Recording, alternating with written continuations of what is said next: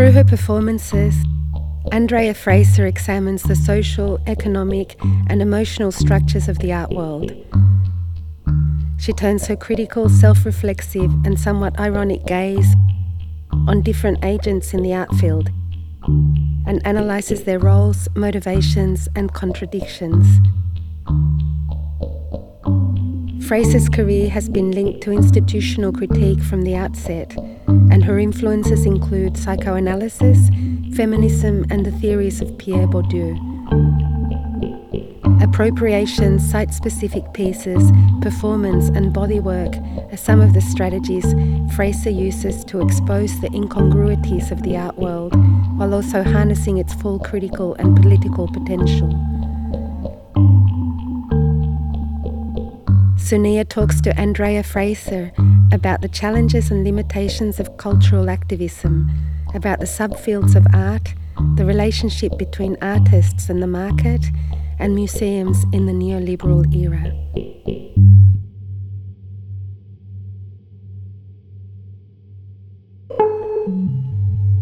Museums in times of neoliberalism, the American model versus the European model. The American model of, of private nonprofit support for museums, which, you know, I, I did a lot of research about in the context of my performance museum highlights and looking at the history of museums in the United States and why they developed and how they developed as private nonprofit institutions rather than as public institutions, even while they were, you know, developed in other ways directly on the model of European museums. To some extent, that's a, a history that's very specific to the United States and is linked to the very old and deep hostility of America, you know, as a nation, as a, as a, as a concept to the public sector and to government and to any kind of uh, redistribution of wealth which persists today. In the United States, I think we're very aware, I'm very aware as an artist, of the differences between American museums and European museums, which are reflected in their architecture, in their programs, in their collections. One sees a lot less conceptual art, a lot less political art, a lot less art that's uh, you know more immaterial uh, in American museums and in European museums. And I think many people agree that many of those differences have to do with the influence that the private patrons who legally own the museum and its contents have on collections and programs. I mean, of course, that would be disputed by most American curators who maintain that they're autonomous. But I think the evidence is pretty undeniable that that influence is there.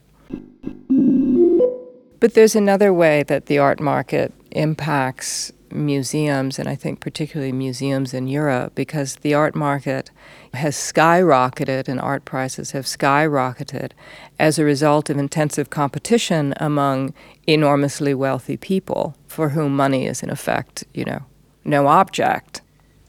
And those skyrocketing prices have effectively priced most even American museums, but particularly U- European museums, out of the market for a lot of a lot of contemporary art.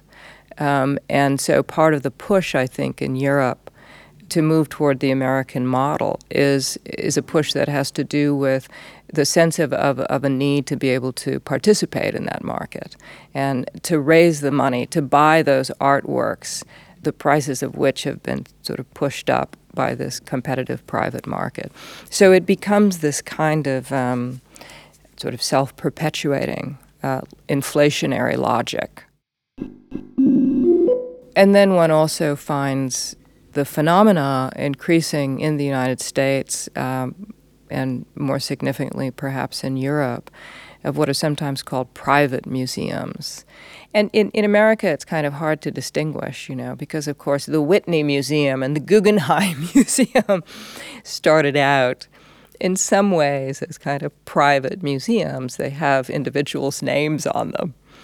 In Europe, this was much more uncommon. And when, for example, the Museum of the City, the city of Cologne, made a deal with uh, Peter Ludwig to take his collection and some funding to build a museum that would have his name, in, in the 1960s and 70s, this created a, a huge debate. Uh, similarly, in Hanover with the Sprengel Museum, which is also a public museum.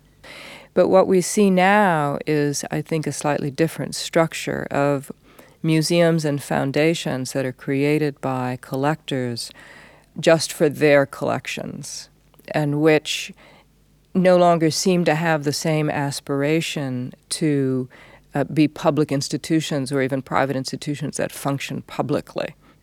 And this is the sort of phenomena of the jewel box that one has with the Goetz collection in Munich. Um, and in Los Angeles, we now have the Broad Foundation. And there's a very direct relationship between, you know, Broad's decision, on the one hand, not to give his collection to the Los Angeles County Museum of Art, which is a largely public museum, which the museum expected when they built a building that had his name on it, and instead to, to, to create his own institution, you know, that he could completely control. The subfields of art. One of my interpretations of what's been happening in the field of art in the past 20 years, in particular, with this enormous global expansion that we've seen, is actually a kind of fragmentation of the field into increasingly distinct and autonomous subfields. And so you have the dominant subfield, which is now the market field. And I don't think it was dominant, you know, 30 years ago. Um, and that's the field of private galleries and auctions and uh, art fairs. And then you have the field of uh, public institutions and exhibitions. And then you have the field which is developing, you know, is developed quite rapidly in Europe of artistic research, you know, partly as a result of the Bologna process and, and the emergence of PhD programs in art practice. And then you have the world of cultural activism and social practice. Um, and then you have a whole lot of various kind of specific um, subfields that are connected to, to particular communities and, and, and geographical locations. And I think that in effect, all of these different, you know, subfields actually, while they still get mixed up in many ways, particularly in large scale um, survey exhibitions, that they're becoming increasingly distinct. And that's a good thing, that in fact they have radically different values and economies that they function within. Um, and I'd say that, you know, in the in the market subfield, it's basically it's about producing value. And whether you think of that as artistic value or economic value, I'm not sure that there's really so much of a difference because the one is convertible directly into the other. Um, and in the field of artistic research, it's producing knowledge. Artists aim to produce knowledge. In the field of cultural practice or social practice and cultural activism, artists want to produce social change. And in the field of museums and exhibitions, I think increasingly that's about producing experience. And that's been, you know, discussed critically in terms of the so-called experience economy, which was a concept developed by actually somebody in, in marketing um, to describe the way that um, experience in the hospitality industry and the tourist industry and in you know the retail industry is getting increasingly commodified. But I think, in fact, we shouldn't throw the notion of experience out with the theory of one marketer. that in fact, the idea of art as experience has a much longer history and goes back in the United States to the 1920s and 30s, if not before. And I do think that, of course, it's important to, to sort of reflect critically on what that means to produce experiences. But I do think that that has a lot of value and especially uh, in, in contrast to, you know, producing value. Artists in the art market. That artists sort of function within radically different economies with radically different values, radically different aims, in fact, radically different understandings of what it is they produce, of what the products of their practices are. And I think that that's inadequately recognized and represented both in art discourse and in exhibitions. And of course, one couldn't imagine this enormous expansion of the art field to be a consequence just of the influx of huge amounts of money as a result of wealth concentration. That expansion could not happen without the influx of large numbers of people who aspire to work within that field, who want to be artists, uh, especially, also who want to work in museums or who want to work in galleries or in auction houses and so on and so forth, but especially of people who want to be artists. And this is one of the reasons that, that I, I, I, I continue to, to argue against a vision of institutional critique as artist against institution, because not only are artists central players in the institution of art, but they're also among the most conservative in many ways. You know, I mean, we talk about how museums might, you know, how museums censor, governments censor, artists also censor. Artists are, you know, invariably intent on exerting an enormous amount of control on how their work is represented. And in a sense, sort of, uh, I think, compelling museums to to be ventriloquists for their own accounts of their work. And of course, I'm I'm also guilty of that, you know. Of course, this is also the case, you know, in the market world. Artists are are full participants in the marketing of their work in a kind of competitive um, economy in which they're looking to get their prices as high as possible, in which they're looking to get the most they can out of museums in terms of production support for works that they're, they're then going to sell on the market, in terms of uh, interacting with their patrons. Often in extremely cynical ways of producing art effect for effectively for people they don't respect. And so one can't leave artists out of institutional critique. Political art, cultural activism, and social practice challenges and contradictions. I'm an institutional critic rather than, you know, a community based artist or a cultural activist for a reason. And that's because I think that all kind of critical and political practice to be effective has to work on the immediate structures and relations of power and distributions of resources in which it's located that you can't change something that's that's over there but of course there are forms of cultural activism and social practice that locate themselves not in the institution but in the arenas that they aim to impact. So I would make a distinction between so called political art, which is located primarily in art institutions or in the artistic field, with a kind of political aim or political content regarding, you know, politics or conditions that are over there, which I think is, well, it's effective in potentially, but only in a very specific way.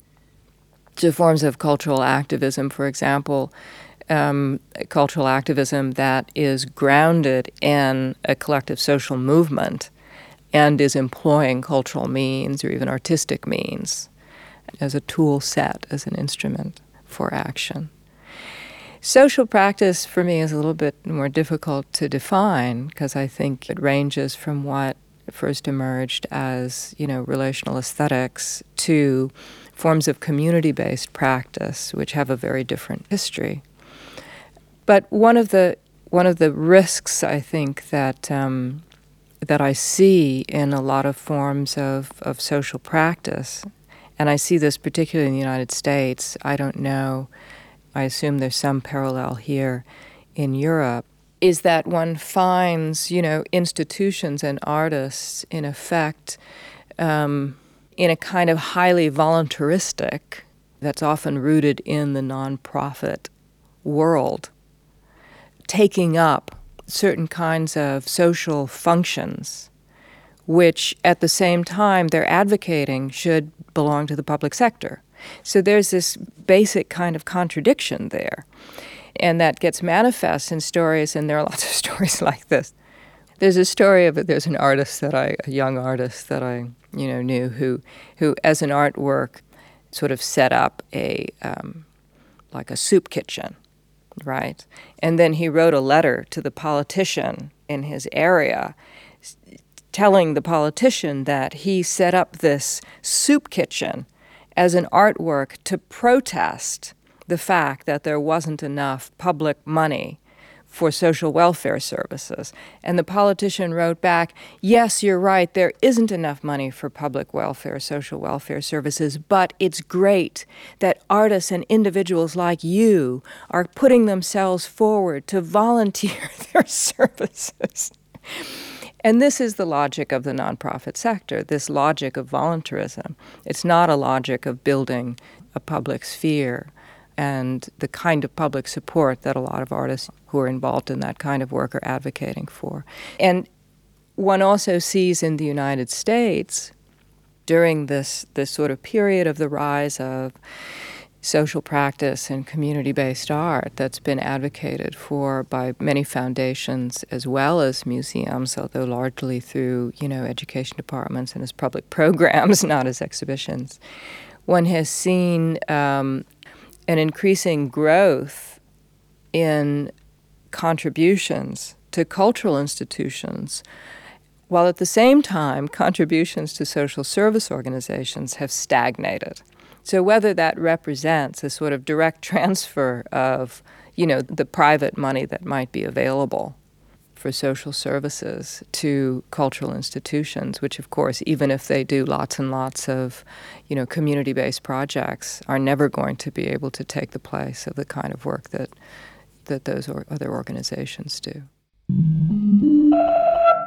The other aspect is for me, I mean, of course, because I've been deeply influenced by the work of Pierre Bourdieu, I, I think that whenever anyone calls something art, regardless of the form it takes or where it might even be located physically, that has a particular impact on what that thing is, on how it functions in society, on what it represents. And I wonder what the value is, in any case, of calling certain kinds of political and social practices that ostensibly have political and social aims art. And it seems to me to have more to do with a different set of aims that often go unarticulated the aim of uh, uh, securing kind of recognition, for example, in the art field, the aim of securing access to resources that are available in the art field, the aim of maintaining a certain freedom that one might not have if one was working in an NGO, actually, or in a social service organization, or even in an organized political group. And I think that in many cases, those sort of latent aims actually also undermine the capacity of those of those projects to really work effectively on their manifest social and political aims. Encounters, discourses, and radical gestures. You know, basically, there are there are two ways that I understand art to be effective politically.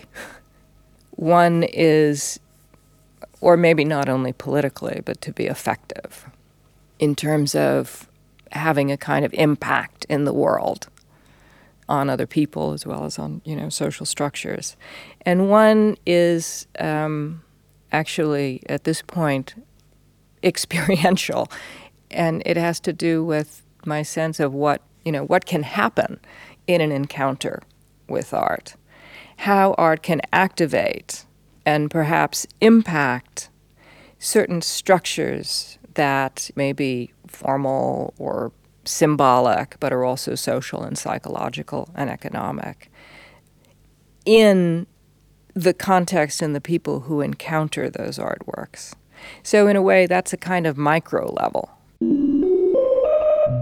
And the other way I see art as being able to have an impact has to do less with specific artworks than with um, the development of artistic positions and the impact that can have on the development of the field of art as an institution.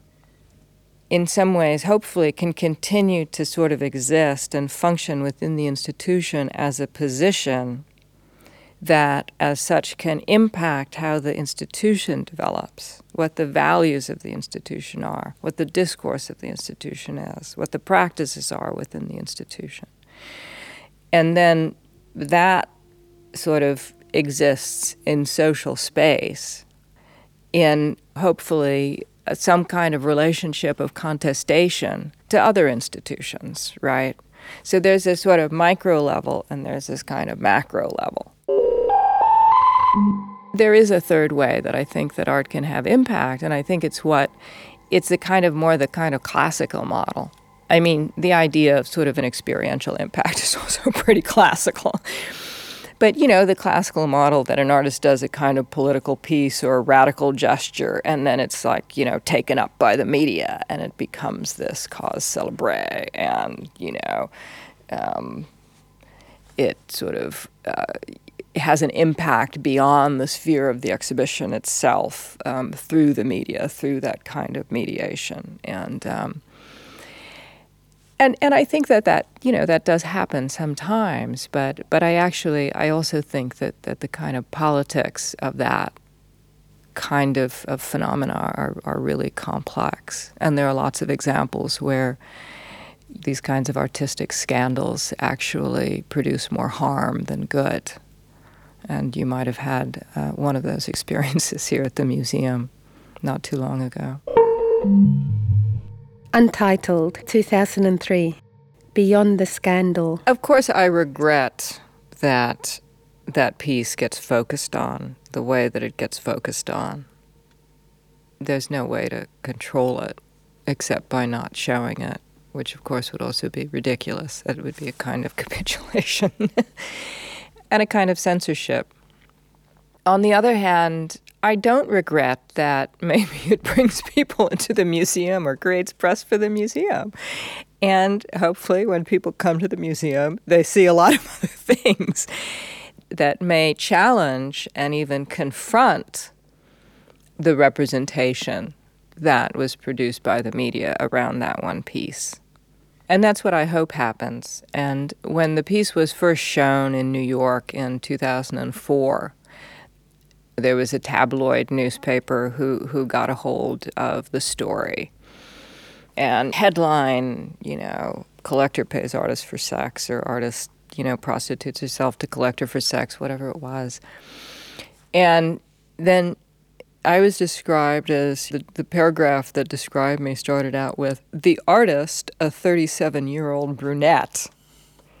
And this is just so funny because it's like, how do you describe a woman? What are the most pertinent facts?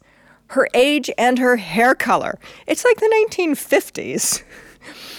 so, but it went on. It said, the artist, a 34 year old brunette, is internationally recognized and has taught at Cooper Union, Columbia University, UCLA, the Städelschule. And I kind of went, yes, you know, um, because even in that context, they had to recognize that I wasn't just a 34 year old brunette, but that I didn't only have a body, but I had a mind, I had a professional life that had an international scope, um, and so on.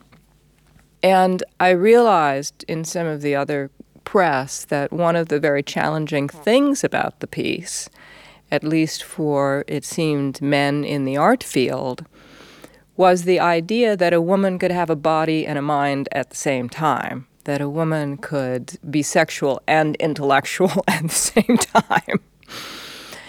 And so I think, in that sense, because the piece exists not only in the context of the museum, but in the context of my larger practice as an artist, that it can challenge certain sort of narrow and confining representations of what an artist is and specifically what a female artist is.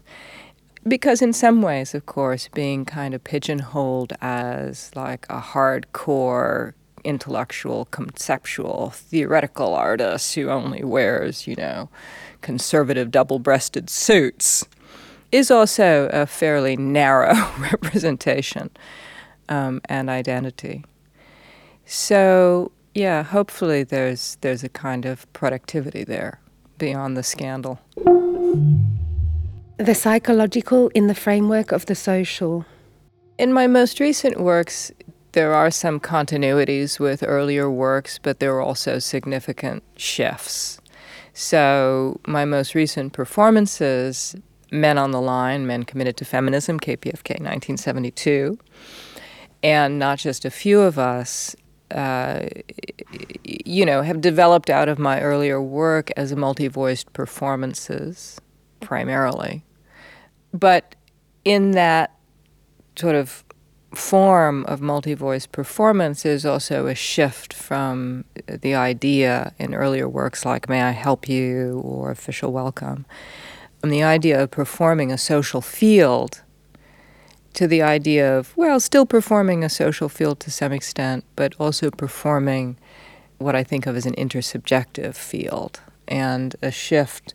Um, and I don't want to say away from the social to the psychological, but to the psychological in the framework of the social. But probably the most significant departure of those two pieces is that they don't seem to really have much to do with art at all.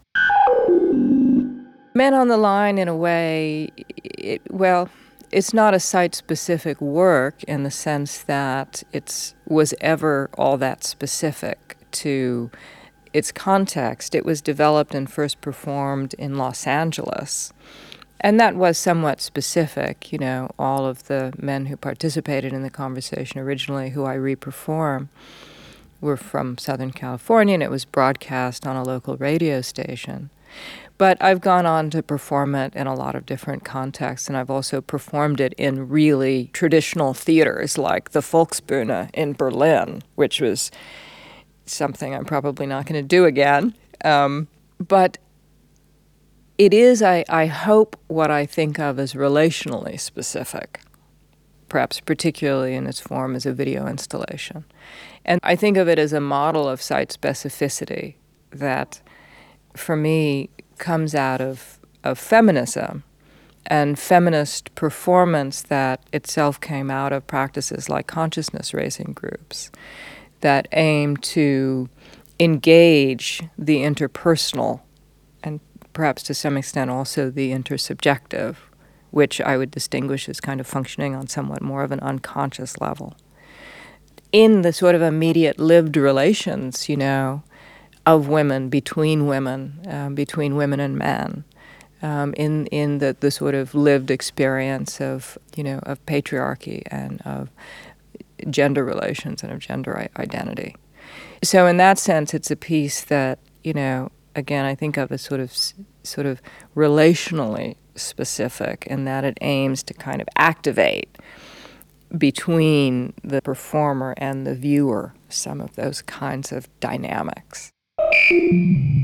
Not just a few of us was was was actually site specific and it was developed to be performed in New Orleans for the American Biennial. And it was a performance based on a, a, kind of marathon city council hearing debating um, an ordinance that would require organizations that were still effectively segregated to desegregate. And in that piece, it was about performing a segregated community and aiming in some sense to sort of integrate that community in my own body. So it was 20 different voices, half black, half white, mostly men, each with a completely different accent. It was the hardest thing that I've ever that I've ever had to um, to memorize. Towards an institutional analysis. So I don't know. I mean, am I moving away from institutional critique? you know, I, I wish I could. I, I wish, I, in some ways, I wish I could leave that term behind. Um, but on the other hand, it is a practice that I still believe in. And leaving it behind would feel like a kind of capitulation to the criticism of people that, that I actually don't agree with. But I think that the direction that I've that I've gone in in many ways is toward a kind of institutional analysis. And thinking of analysis as a kind of necessary second step, not replacing critique, but that has to be undertaken together with critique. That while critique I think is is really classically understood in art practice, you know, to operate through a kind of distancing, a kind of alienation, a kind of denaturalization or derealizing of the sort of realities and representations that we might tend to accept as a given. Through those operations of, of distancing, there can also be a disowning, and not only a kind of negation of sort of conservative realities and social structures, but a negation of our own participation in those structures, of our own investments in those structures, which is what connects us to them and what ultimately drives their reproduction. So, analysis for me is a kind of second step, is about, you know, not only kind of distancing and alienating certain kinds of realities and representations which might allow us to articulate them, but then also kind of reintegrating them in some sense in in um, in order to to really get at uh, and work through what what our real investments in them are, so that we might actually make different decisions about how we function you know, in the world.